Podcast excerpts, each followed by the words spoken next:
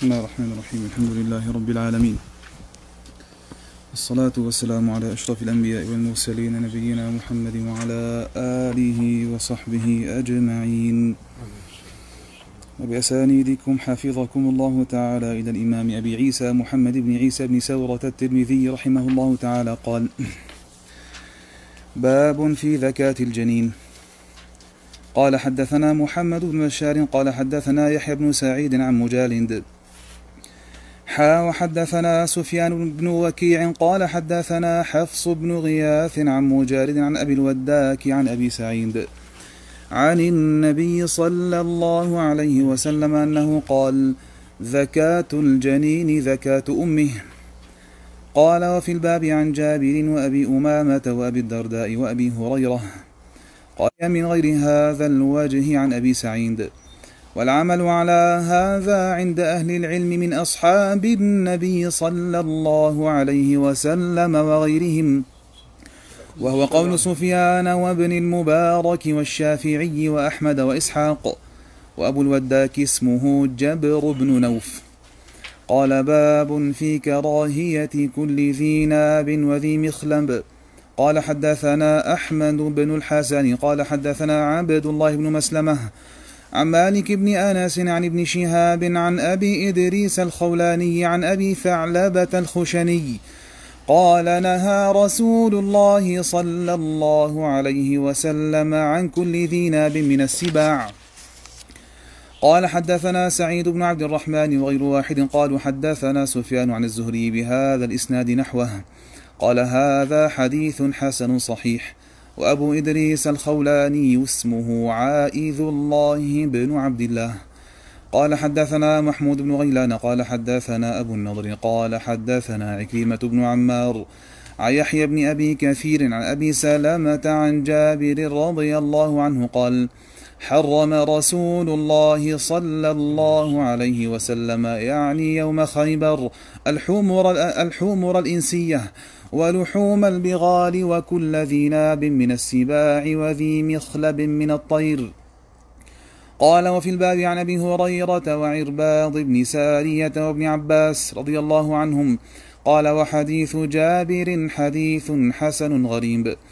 قال حدثنا قتيبة قال حدثنا عبد العزيز بن محمد عن محمد بن عمرو عن أبي سلامة عن أبي هريرة رضي الله عنه أن النبي صلى الله عليه وسلم حرم كل ذي ناب من السباع.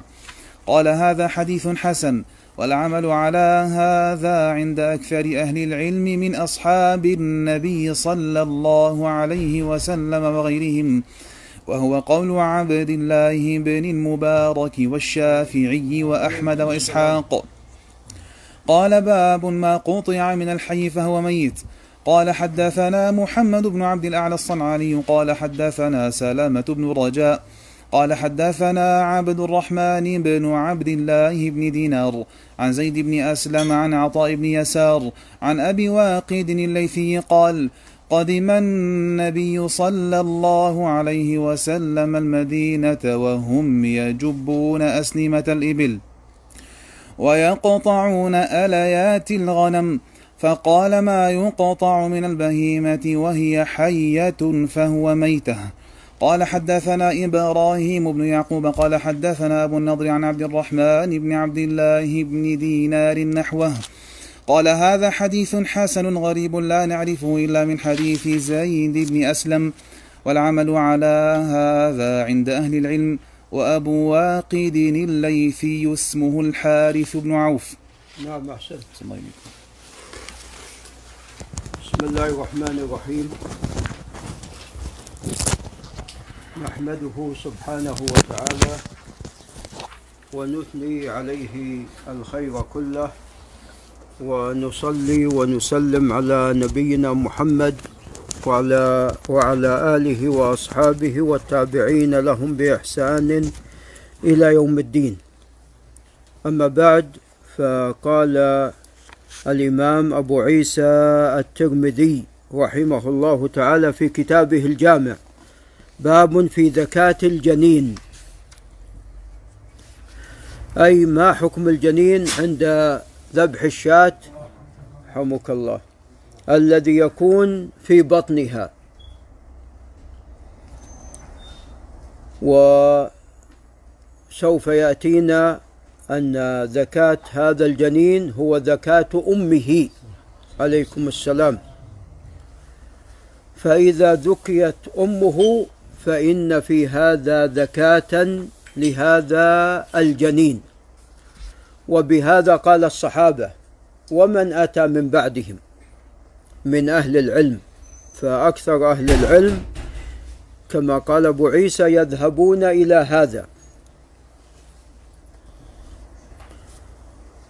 ولم يستثني أبو عيسى أحد كما سوف يأتي ولكن ذكر أن إبراهيم النخعي رحمه الله كان عليكم السلام كان لا يرى أن زكاة الجنين زكاة أمه. وأيضا نقل ذلك عن أبي حنيفة فأبو حنيفة يذهب إلى أن الجنين لابد أن يزكى. لابد أن يزكى طبعا إذا كان حيا إذا ذبحت الشاة ووجد فيها هذا الجنين حيا فإنه عندئذ لا بد أن يزكى. نعم. وأيضا ذهب إلى هذا تلميذه زفر بن, بن الهذيل التميمي رحمك الله. عليكم السلام الله وبركاته. عليكم السلام. عليكم السلام. فزفر بن الهذيل أيضا ممن يذهب إلى هذا. وأما صاحب أبي حنيفة فقد خالفاه في ذلك. أبو يوسف ومحمد بن الحسن قد خالف أبا حنيفة في ذلك فقالوا زكاة الجنين زكاة أمه. نعم. فجل أهل العلم يذهبون إلى ذلك. قال حدثنا محمد بن بشار وهو العبدي البصري. توفي عام 52 و200 قال حدثنا يحيى بن سعيد وهو القطان البصري الإمام وتوفي عام 98 و100 قال عن مجالد وهو بن سعيد بن عمير الهمداني الكوفي. وتوفي عام أربعة وأربعين ومئة أو نحو ذلك وقد تقدم لنا الكلام عليه في الدرس الماضي. فتقدم أن أصح حديثه ما كان من كتابه وممن سمع منه قديما وأن يكون قد روى هذا الحديث عن الشعبي. نعم. ولذا جل روايته أو كثير من روايته عن الشعبي وأضعف حديثه ما إذا كان عن غير الشعبي وكان من رواية آه، وكان من حفظه وكان من رواية ممن سمع منه أخيرا. وقد ذكر أن يحيى بن سعيد القطان ممن سمع منه أخيرا. نعم عليكم السلام. بخلاف ما كان من رواية سفيان الثوري مثلا فهو ممن سمع منه قديما. نعم وهو لا يحتج به وإنما يكتب حديثه وإنما يكتب حديثه. وقد قال يحيى بن سعيد يعني أنه كان يلقن. لو شئت أن يلقنه لتلقن. يعني هذا معنى كلام يحيى بن سعيد القطان. فكان يلقن وهذا جرح في الراوي. نعم وعليه أن لا يقبل التلقين وإنما عليه إما أن يحدث إن كان يحدث من حفظة فيحدث من حفظة. ما يذكر هذا الحديث أو بعض هذا الحديث فعليه ماذا أن يمتنع؟ مما لم يذكره ولا يحفظه. وأما إن كان من كتابه فلا يحدث إلا من كتابه. نعم وأما كون يقبل التلقين ممن هو عنده فهذا جرح في الراوي. نعم ولذا إذا كان الراوي عنه ممن تكلم فيه فيخشى أنه لقنه أو لقن فتلقن فروى هذا الضعيف عنه ما لقن. مجالد إياه من الحديث. نعم وهو كما تقدم يكتب حديثه. قال حاء قال أبو عيسى حاء وحدثنا سفيان بن وكيع وهو ابن الجراح الرؤاسي الكوفي أبو وكيع. وتوفي عام سبعة وأربعين ومائتين وهو صدوق في نفسه. ولكن ابتلي بوراق له. فكان يدخل فكان يدخل في حديثه ما ليس من حديثه. يدخل في حديثه أحاديث ليست من حديثه. وهو لم يكن بالحافظ المتقن. نعم هو صدوق في نفسه ولكن لم يكن بالحافظ المتقن. فهذه الأحاديث التي أدخلت عليه قد ماذا؟ قد يحدث بها ولا ينتبه لها. نعم. هو ليس مثل الحفاظ المتقنين الذين يميزون ما كان من حديثهم وما لم يكن كذلك. كما قال مسلم بن قاسم قال جئنا إلى أبي جعفر العقيلي. فكنا نقرأ عليه ولم يكن يخرج كتاب.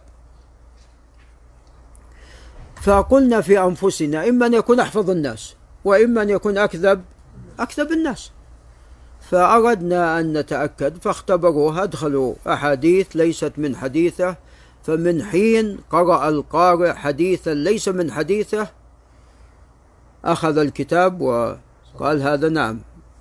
نعم قال هذا ليس من حديثي. نعم قال فطابت أنفسنا. هذا يقول مسلم بن قاسم. وكما كان الإمام أحمد ويحيى بن معين عندما رجعوا من عبد الرزاق مروا على أبي نعيم الفضل بن دكين. فقال يحيى بن معين لابد أن أختبره. هو يعرف أن أبو نعيم حافظ متقن لكن خشي أنه ماذا؟ تغير. خشي أنه تغير حفظه. وكان هذا يعني يعني يبدو هناك فترة فقال الإمام أحمد لا تفعل فهو أصر إلا أن يفعل. وهذا ديانة من يحيى بن معين. ذبا عن ماذا؟ عن السنة.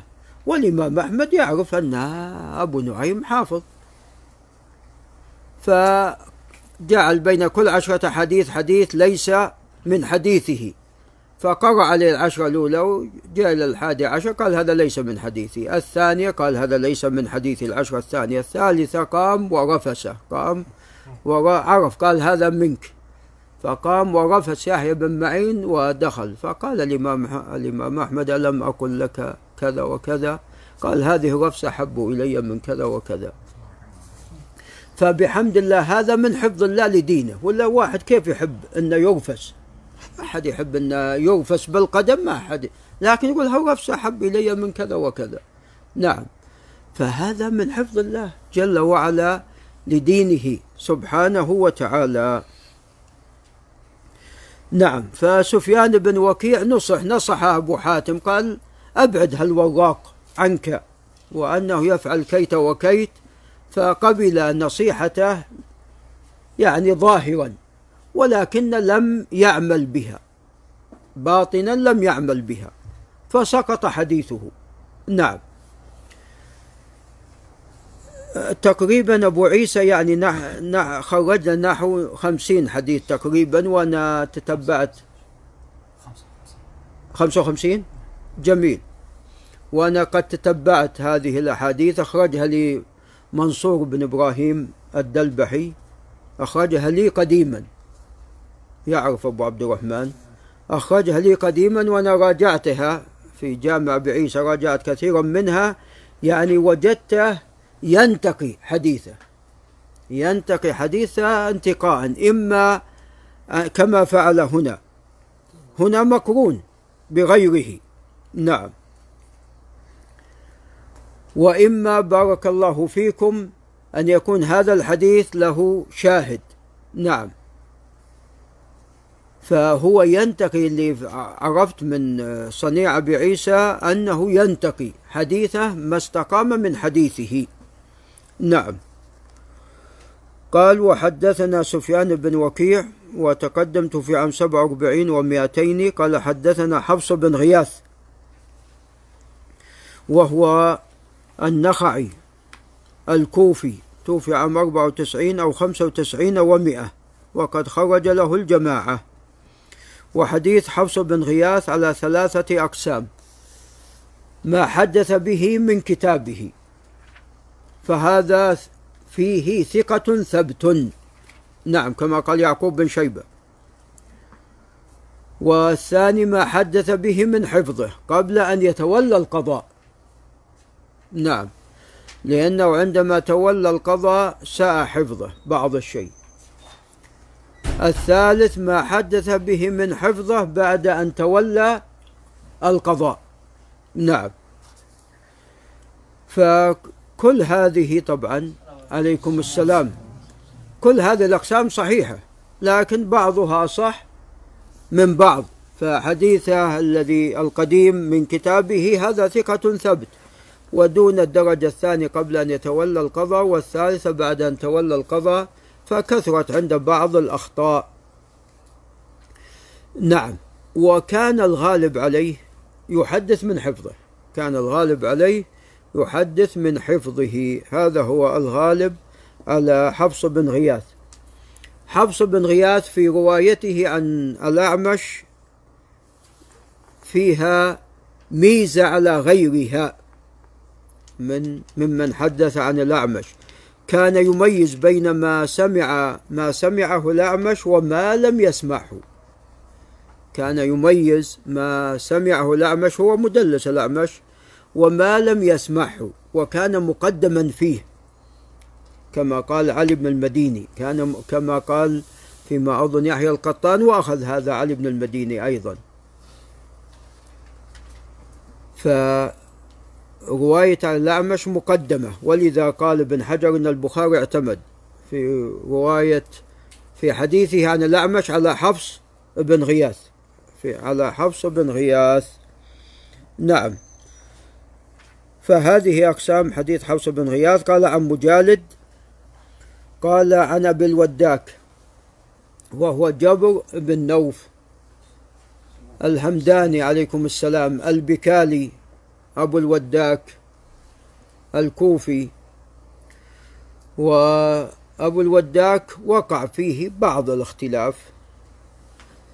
طبعا يحيى بن معين في روايتين قد وثقه وجاء في رواية أنه قال ليس بالقوي. نعم. وقال بعض الحفاظ أنه صالح. نعم.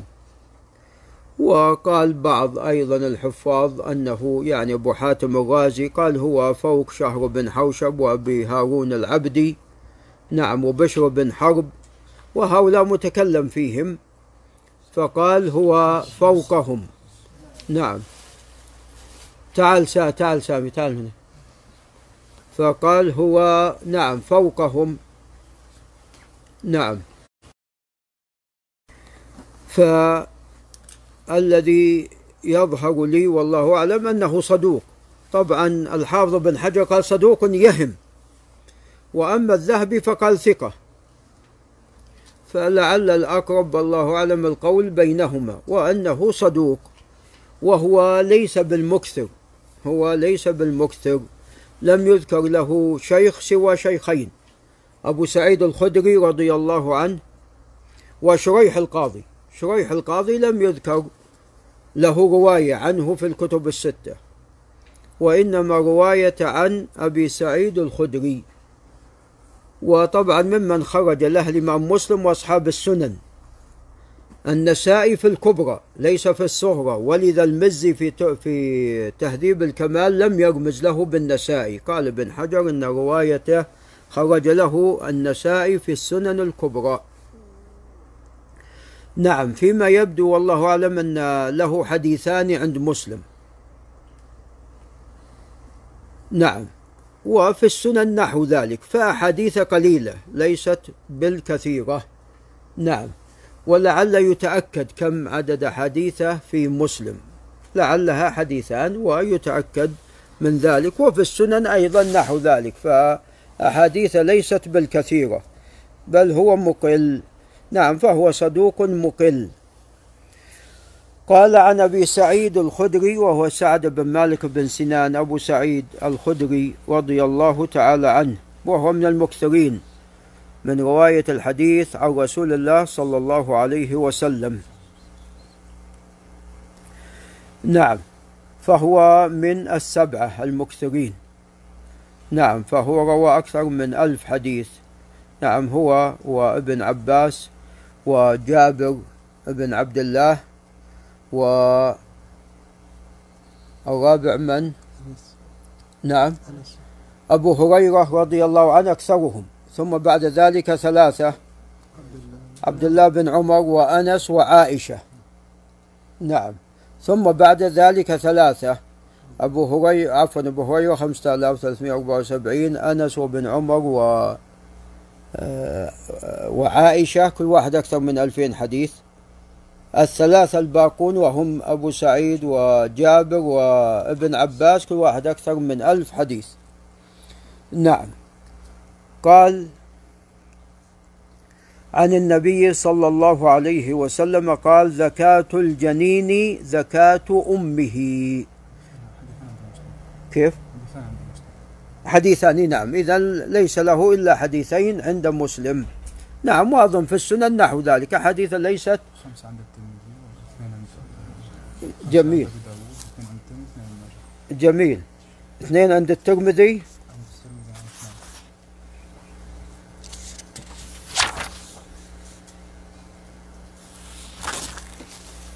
نعم. وطبعا يعني خمسة عند أبي داود واثنين عند الترمذي هذه أحاديث مشتركة. أي غالبا نعم مشتركة فتكون متكررة. نعم. نعم.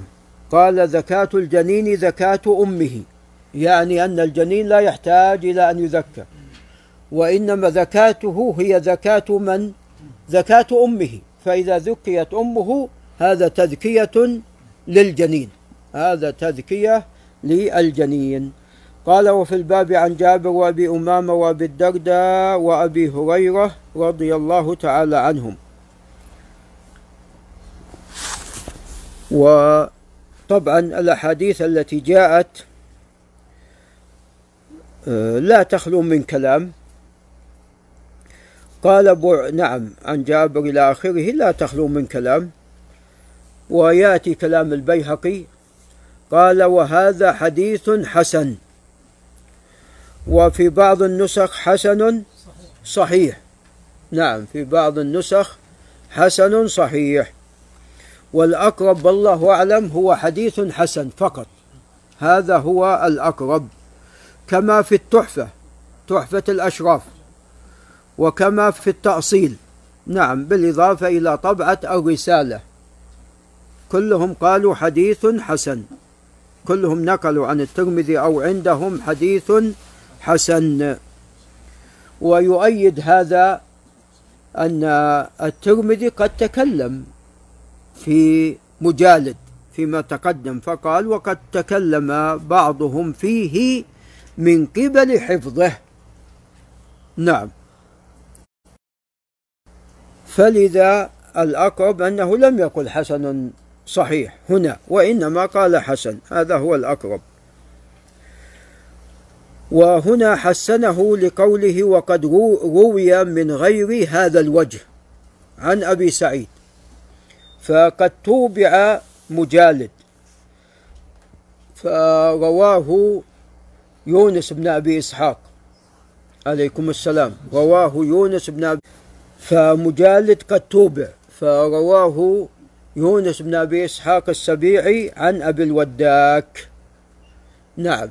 كما خرجه الإمام أحمد.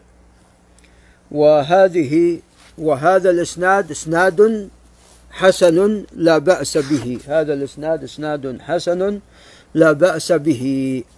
بالإضافة هذا إلى رواية آه نعم رواية مجالد ابن سعيد.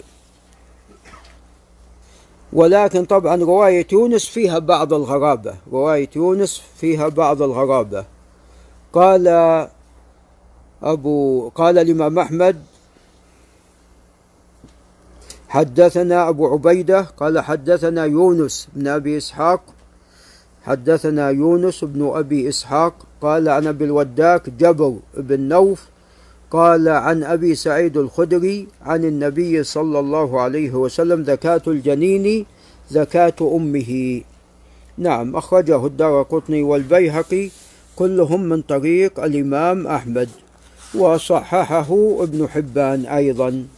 قد خرجه أيضا من طريق أبي عبيدة. الدار قطني والبيهقي من طريق الإمام أحمد وابن حبان من طريق شيخه. فكأن هذا آه، الإسناد فيه غرابة ولكن يعني إسناد لا بأس به. نعم. طبعا بالنسبة ل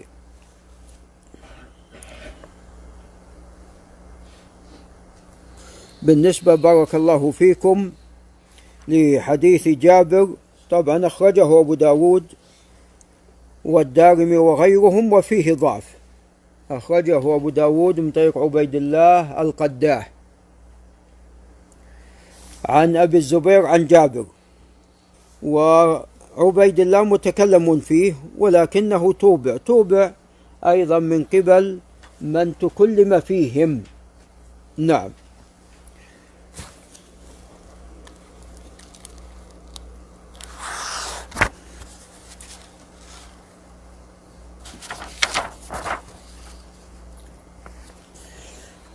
طبعا رواه البيهقي بالنسبة لحديث جابر رواه البيهقي من طريق الحسن بن بشر بن سلم البجلي. قال حدثنا زهير هو بن معاوية قال عن أبي الزبير قال عن جابر. قال قال رسول الله صلى الله عليه وسلم زكاة الجنين زكاة أمه. قال أبو بكر البيهقي ورواه عبيد الله بن أبي زياد القداح المكي عن أبي الزبير. ومن هذا الوجه أخرجه أبو داود في كتاب السنن. وكذلك رواه حمي وكذلك رواه حماد بن شعيب وابن أبي ليلى عن أبي الزبير. نعم ولكن هؤلاء متكلم فيهم فبالنسبة للحسن بن بشر بن سلم البجلي طبعا زهير بن معاوية ثقة ثبت لكن الراوي عنه الإمام أحمد استنكر أحاديثه عن زهير. وهذا الحديث عن من؟ عن زهير. هذا الحديث عن زهير. نعم. وبالنسبة لعبيد الله بن أبي زياد القداح أبو قال أبو داود حديثه مناكير. نعم. فعبيد الله بن أبي زياد ليس بالقوي كما يقول ابن حجر والذهبي يقول فيه لين. نعم. فهو يعني أيضا في نعم. وإن كان قد رواه أكثر من شخص عن أبي الزبير لكن متكلم فيهم. نعم. قال أبو بكر البيهقي بعد أن رواه عن جابر عليكم السلام.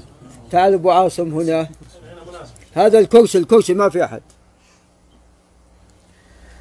قال أبو بكر البيهقي بعد أن خرجه من حديث جابر وذكر من رواه عن أبي الزبير وخرجه وأطال في تخريجه من حديث مجالد.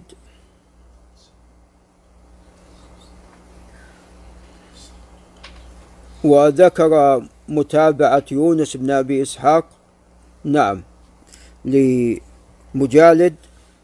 قال وفي الباب عن علي وعبد الله بن مسعود وعبد الله بن عمر وعبد الله بن عباس وأبي أيوب وأبي هريرة وأبي الدرداء وأبي أمامة والبراء بن عازب رضي الله تعالى عنهم مرفوعا. وكل أحاديثهم ماذا؟ متكلم فيها. قال وفي حديث الزهري عن ابن كعب بن مالك أنه قال كان أصحاب رسول الله صلى الله عليه وسلم يقولون في الجنين إذا أشعر فزكاة إذا أشعر عفوا. زكاته زكاة أمه. نعم. وهذا طبعا أشعر الجنين أو لم يعني خرج عليه الشعر أو لم يخرج. زكاة زكاة أمه كما تقدم في حديث أبي سعيد. المهم هذه الحديث غير حديث أبي سعيد لا تخلو من ماذا؟ من كلام. نعم من مقال. ولكن جاء عن أيضا بعض الصحابة مثل ما جاء عن عبد الله بن عمر وعبد الله بن عباس وغيرهم من أهل العلم.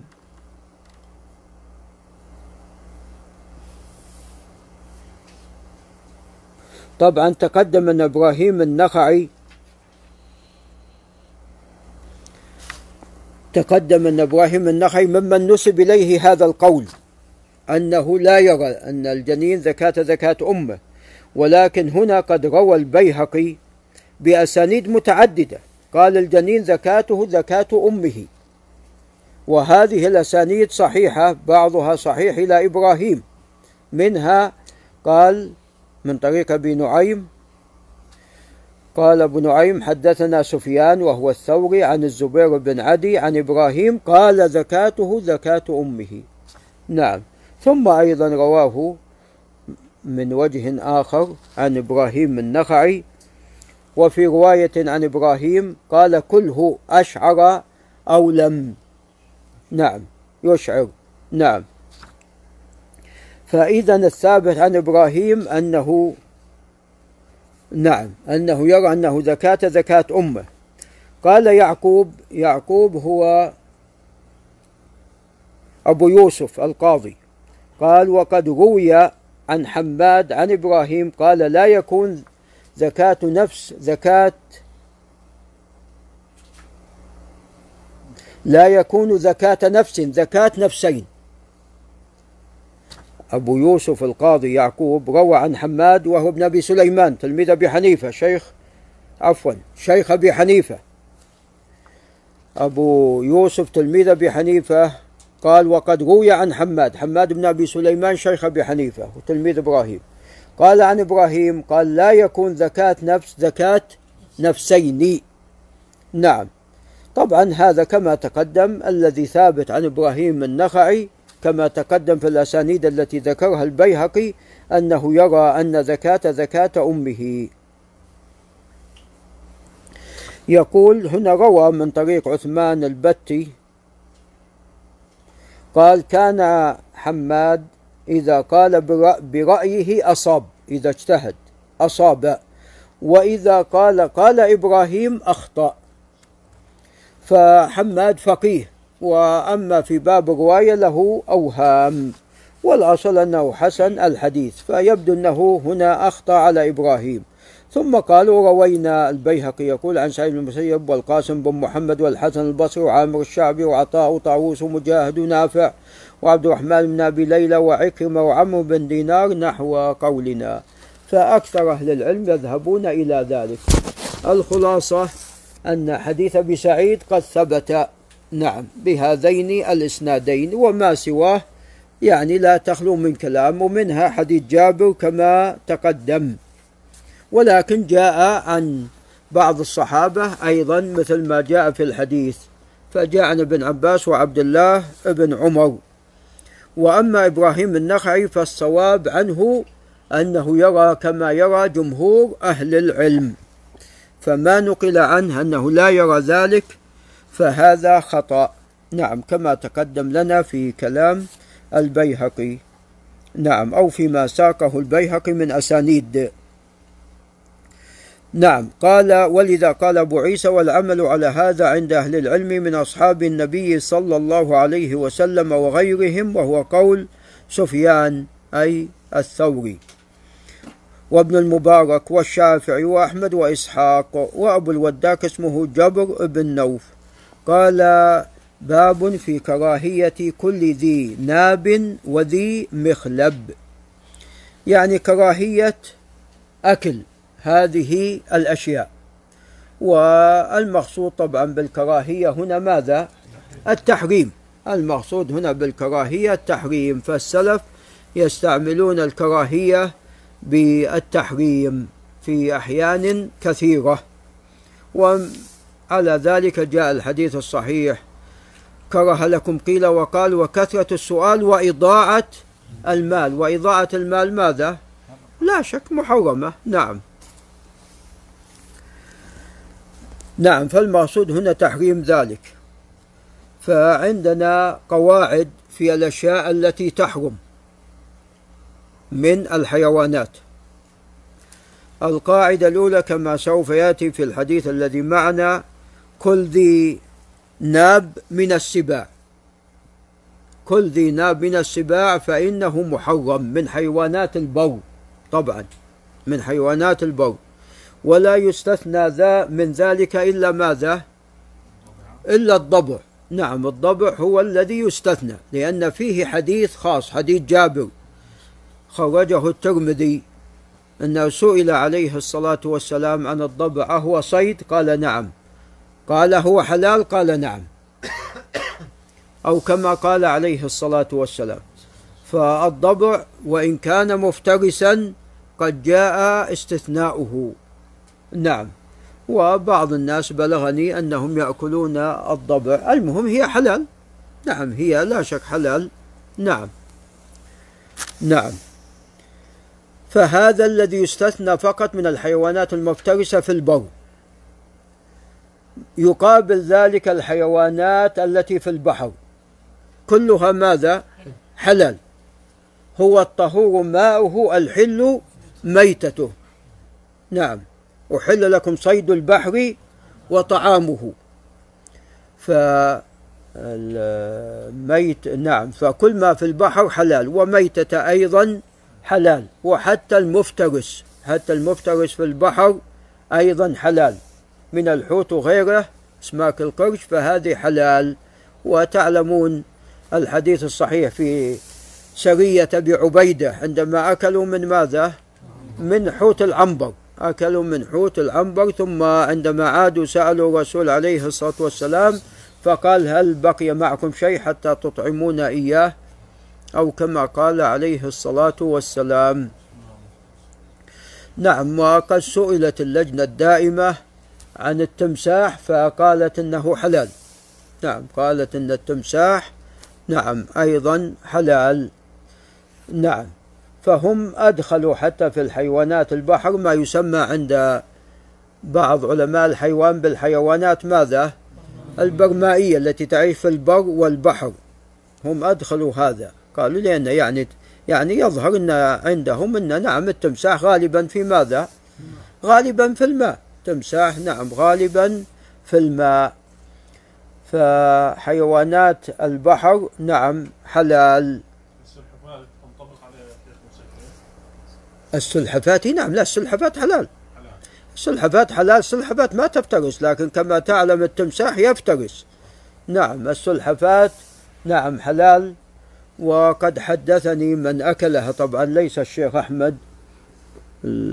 نعم العسيري وإنما أحد الإخوان حدثني نعم وهو الشيخ علي بن عبد الرحمن الصحيباني صادوها في الخليج وقال لحمها مثل لحم البقر. نعم قال لحمها مثل لحم البقر. نعم يأتون إليها في الليل الظاهر قبيل الفجر. نعم ويصيدونها. نعم. نعم فلا شك بالنسبة للسلحفاة لأنها تأكل من الحشائش وال... نعم فهي نعم حلال. نعم عندنا القاعدة الثالثة نعم وهي كل ذي مخلب من الطير كما سوف يأتي في حديث جابر. فالمفترسات نعم من الطيور محرمة. المفترسات من الطيور محرمة ولا يجوز أكلها مثل البازي والصقر والشاهين وأمثالها. كيف أبو عبد الرحمن؟ هو مفترس؟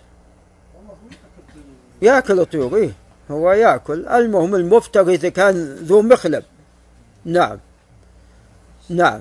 إذا كان ذو مخلب فهذا نعم إذا كان ذو مخلب إذا كان المهم إذا كان مفترسا. من الطيور فهذا محرم ولا يجوز أكله. هذه كم قاعدة؟ أربع. لعل الشيخ مصطفى يحسب أن الخامسة ما تولد من الحلال والحرام. ما تولد من الحلال والحرام. نعم. لا لا أربع. الشيخ حسن يسجل عليه. نعم. شيخنا كل حيوانات البر والبحر والطير ثلاثة. نعم حيوانات البر بارك الله فيك المفترسة وحيوانات البحر كلها حلال. وبارك الله فيكم وح... و... نعم ذوات المخالب من الطيور. نعم. والرابعة؟ طيب إذا الشيخ حسن ما يسجل عليه شيء بل يسجل له. نعم. يسجل علينا. والله البرمائية يعني بعض أهل العلم أدخلوها. أنا في نفسي شيء والله أعلم لكن يعني اللجنة الدائمة أدخلوها في ذلك. نعم.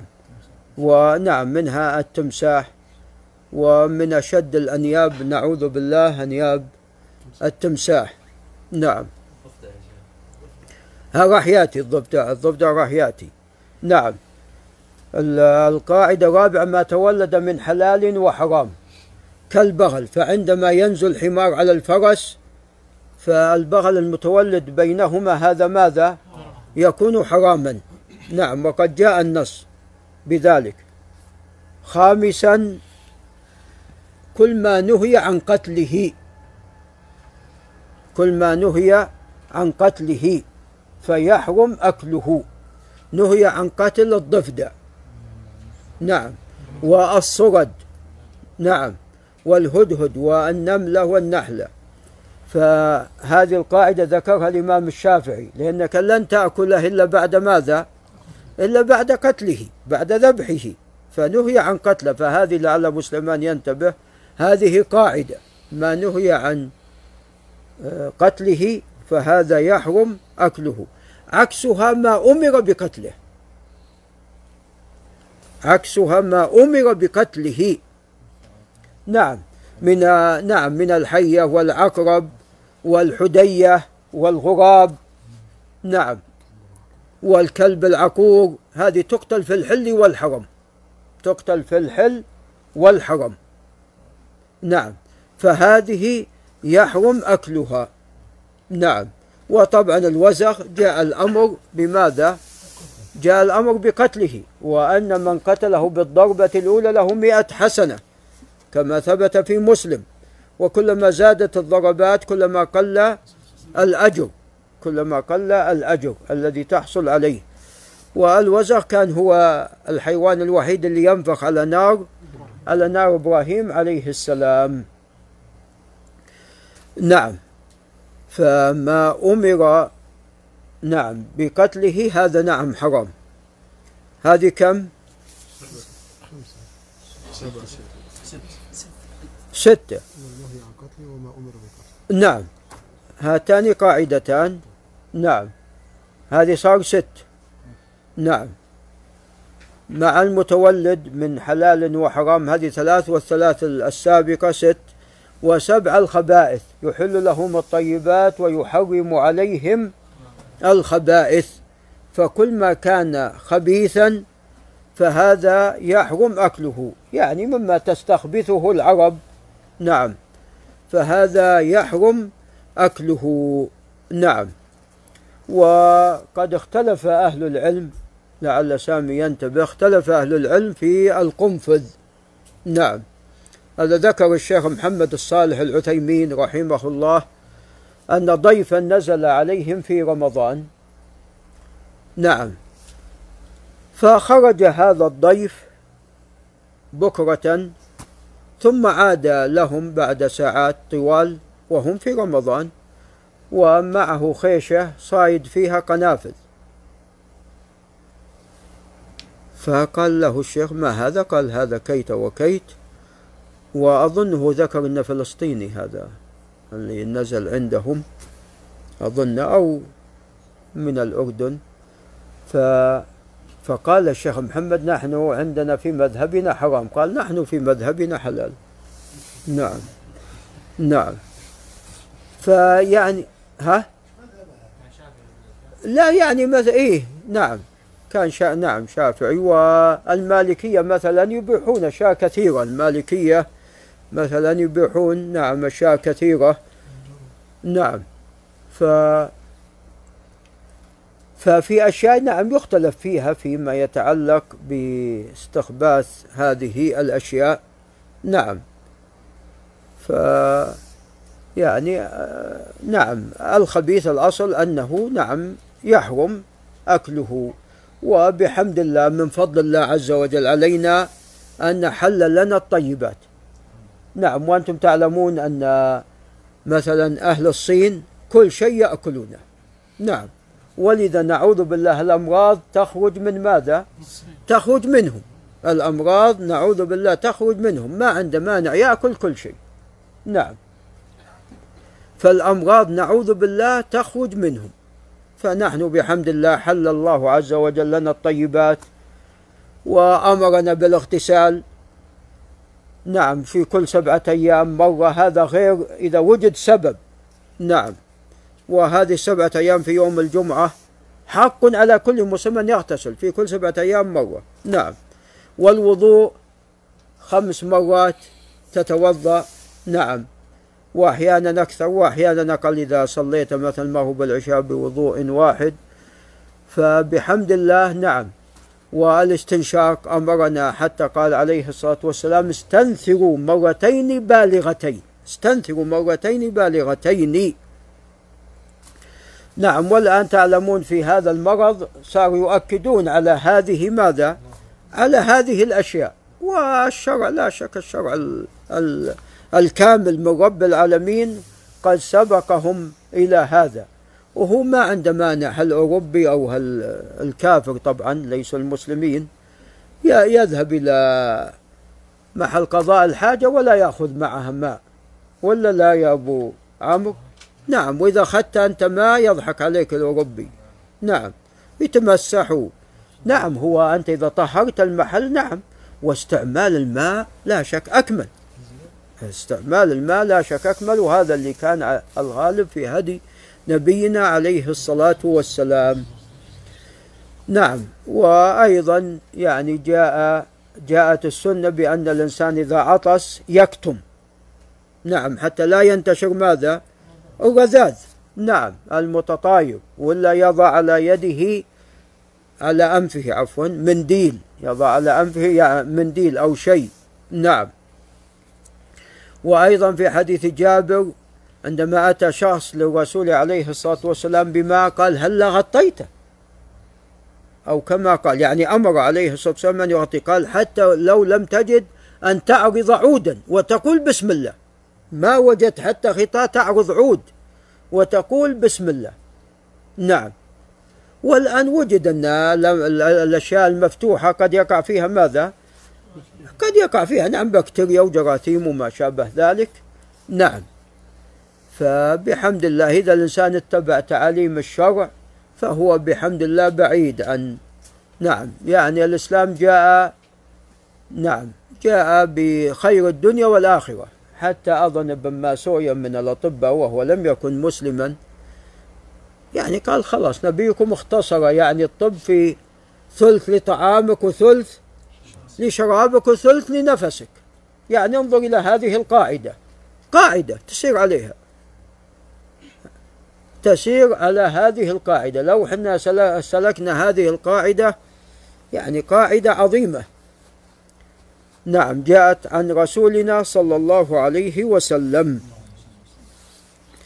نعم فهذه بعض الأشياء فيما يتعلق بالمحرمات.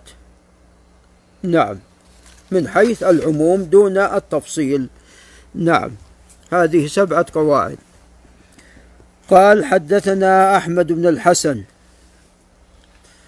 وهو الترمذي ثقة حافظ وهناك أحمد بن الحسن شيخ آخر للترمذي وهو صدوق وأظن هذا أحمد بن الحسن الترمذي الحافظ. قال حدثنا توفي عام نحو سنة خمسين ومائتين قال حدثنا عبد الله بن مسلمة بن قعنب القعنبي وهو ثقة جليل ومن أهل الفضل توفي سنة واحد وعشرين ومائتين نعم وهو مقدم في الإمام مالك. نعم. قال عن مالك بن أنس الإمام المشهور توفي عام 79 و100 قال عن ابن شهاب الزهري أبو بكر محمد بن مسلم بن عبيد الله بن عبد الله بن شهاب القرشي الزهري الإمام. توفي عام 24 و100 قال عن أبي إدريس الخولاني عائض الله بن عبد الله الخولاني. وقد ولد في عهد الرسول عليه الصلاة والسلام في حنين في سنة حنين سنة الثامنة وتوفي سنة ثمانين. نعم فهو مخضرم من كبار التابعين. خرج له الجماعة كان من أهل الفضل. قال عن أبي ثعلبة الخشني. وأبو ثعلبة مشهور بكنيته ولذا اختلف في اسمه. بين جرثوم بين جرثومة بين جرثم وقيل أيضا مسميات أخرى. نعم وهو من قضاعة وكانت مساكنهم نعم ولا زالت. نعم لا زالت مساكن قبائل من قضاعة في الشمال الغربي من الجزيرة. وهم بلي وكلب اللي بقاياهم الشرارات الآن. فهؤلاء من قضاعة من جهة الشمال الغربي وفيه خولان أيضا من قضاعة وغيرهم لكن أنا أتكلم عن نعم. فأبو ثعلبة كان كان منازل قبائلهم مجاورة لأهل الكتاب الذين كانوا في الشام. نعم. وكان أبو ثعلبة من أهل الصيد هذه الأماكن. نعم أماكن صيد وفيها نعم أشياء تصاد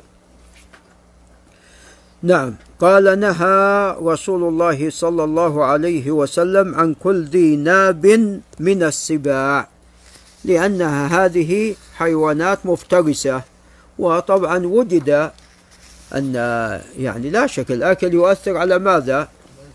نعم يؤثر على الآكل ليس من ناحية حسية فقط بل من ناحية أيضا معنوية من ناحية حسية جزما. نعم إن كان طيبا ف نعم من ناحية حسية يعني راح يكون نعم هذا يكون زيادة في صحته. وإن كان خبيثا راح يؤثر من ناحية صحية عليه لكن الكلام على الناحية المعنوية. نعم ولذا أمر ولذا جاء الشرع بالوضوء من لحم ماذا؟ من لحم الإبل من لحم الجزور. جاء الوضوء بالوضوء من لحم الجزور. نعم. فالطعام يؤثر على الآكل من ناحية بالإضافة إلى الحسية يؤثر أيضا من الناحية المعنوية. فهذه الحيوانات المفترسة عندما يأكلها الإنسان لا شك هي ليست من الطيبات أولا. هذا من الناحية الحسية ومن الناحية المعنوية قد يتأثر بها فيما يتعلق بالافتراس وما شابه ذلك ونعم الشدة والقسوة. نعم.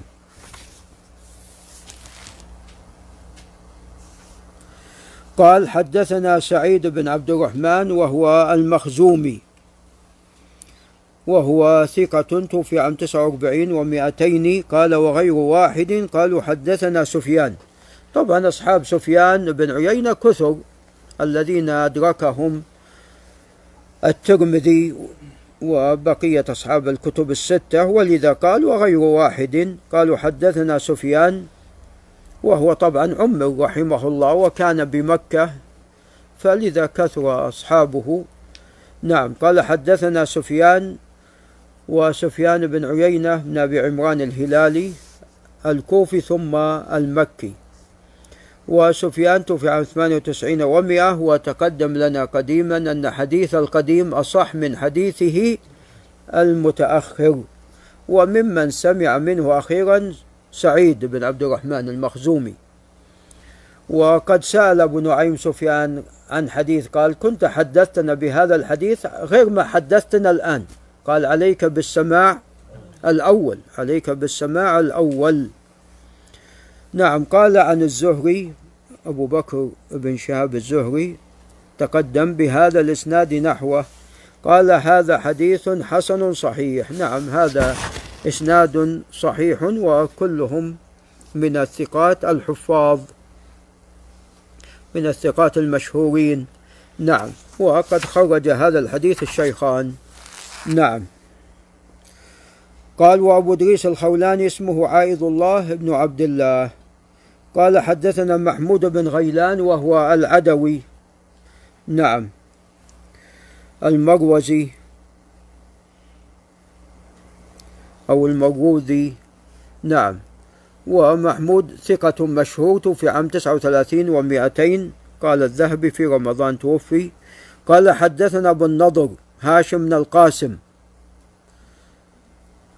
أبو النضر البغدادي وهو ثقة ثبت توفي عام سبع ومائتين قال حدثنا عكرمة بن عمار وهو العجلي. أصله من البصرة ونزل اليمامة. نعم. وتوفي سنة تسع وخمسين ومائة. عكرمة بن عمار راجح أنه ثقة. إلا في روايته عن يحيى بن أبي كثير فقد تكلم فيها تكلم فيها يحيى بن سعيد القطان وغيره. وقد أنكرت بعض الأحاديث عليه في من هذا الباب. قال ابن رجب مما أنكر عليه هو الحديث الذي معنا. نعم. وسوف يأتي أن أبا عيسى لم يصححه. نعم. وأنكر عليه أيضا حديث الاستفتاح الذي يقال في قيام الليل. اللهم رب جبرائيل وميكائيل وإسرافيل. نعم قد خرج هو الإمام مسلم من حديث عكرمة بن عمار عن أن يحيى بن أبي كثير عن أبي سلمة عن عائشة. نعم. فرواية عن يحيى بن أبي كثير فيها بعض الضعف. نعم. يعني أحيانا ترد وأحيانا قد تقبل على حسب القرائن المحتفة بها. قال عن يحيى بن أبي كثير وهو الطائي مولاهم اليمامي وتوفي سنة تسع وعشرين ومئة أو ثنتين وثلاثين ومئة وهو ثقة ثبت مكثر من الرواية ولكن يرسل كثيرا ويدلس وتقدم لنا أنه دلس أنه يدلس تدليس الشيوخ. تدليس يعني شديد جدا. حدثنا أبو إبراهيم عن عن أبي إبراهيم أو حدثنا أبو إبراهيم الأشهلي عن أبيه. تقدم لنا. من هو أبو إبراهيم الأشهلي؟ ما ما حد يعرف إلا إلا يحيى بن أبي كثير من البشر. نعم. هو اللي أخفى اسمه. نعم أخفى اسمه. نعم. ووجدنا له أيضا بعد أيضا مثل هذا. فهو يدلس تدليس شديد فيما يتعلق بالشيوخ ويرسل كثيرا. قال عن أبي سلمة هو بن عبد الرحمن بن عوف القرشي الزهري إمام فقيه. توفي عام 94 قيل غير ذلك. قال عن جابر رضي الله تعالى عنهما جابر بن عبد الله بن عمرو بن حرام الأنصاري رضي الله عنهما قال حرم رسول الله صلى الله عليه وسلم يعني يوم خيبر الحمر الإنسية.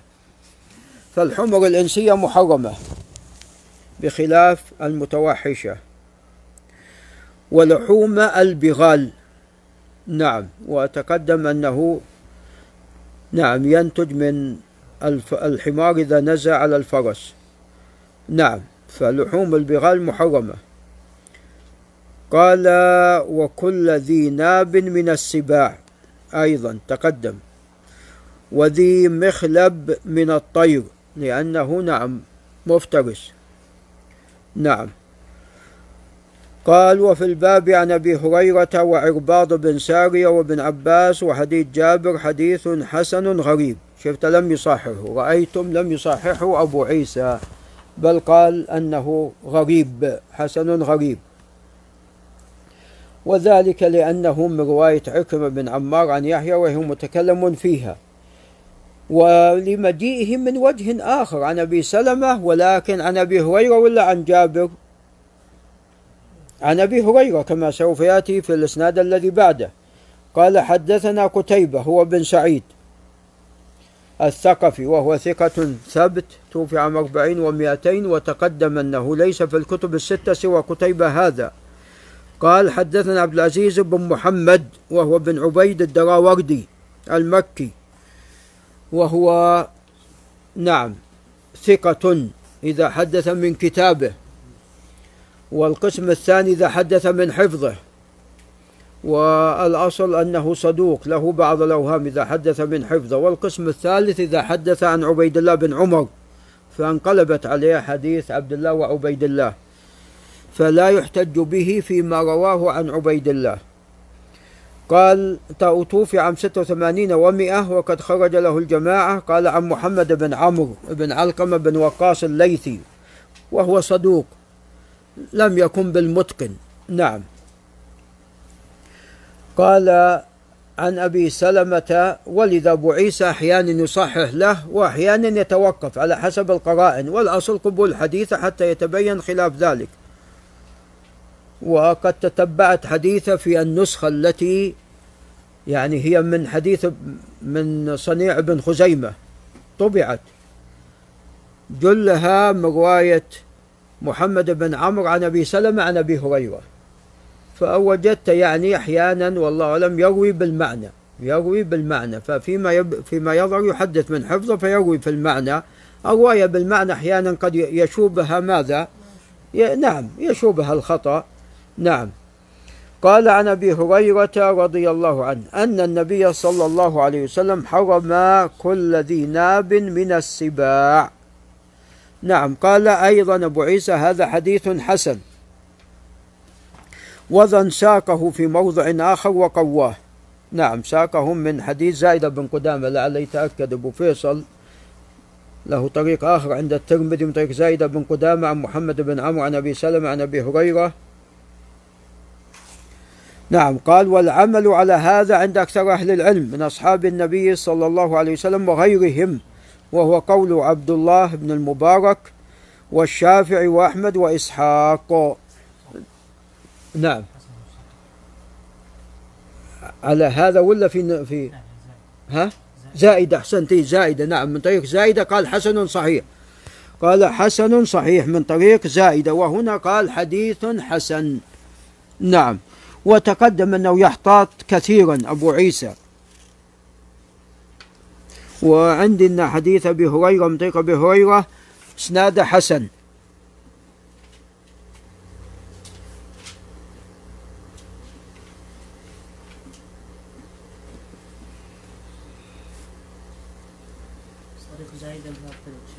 اي سائدة عن نعم عن محمد بن عمرو.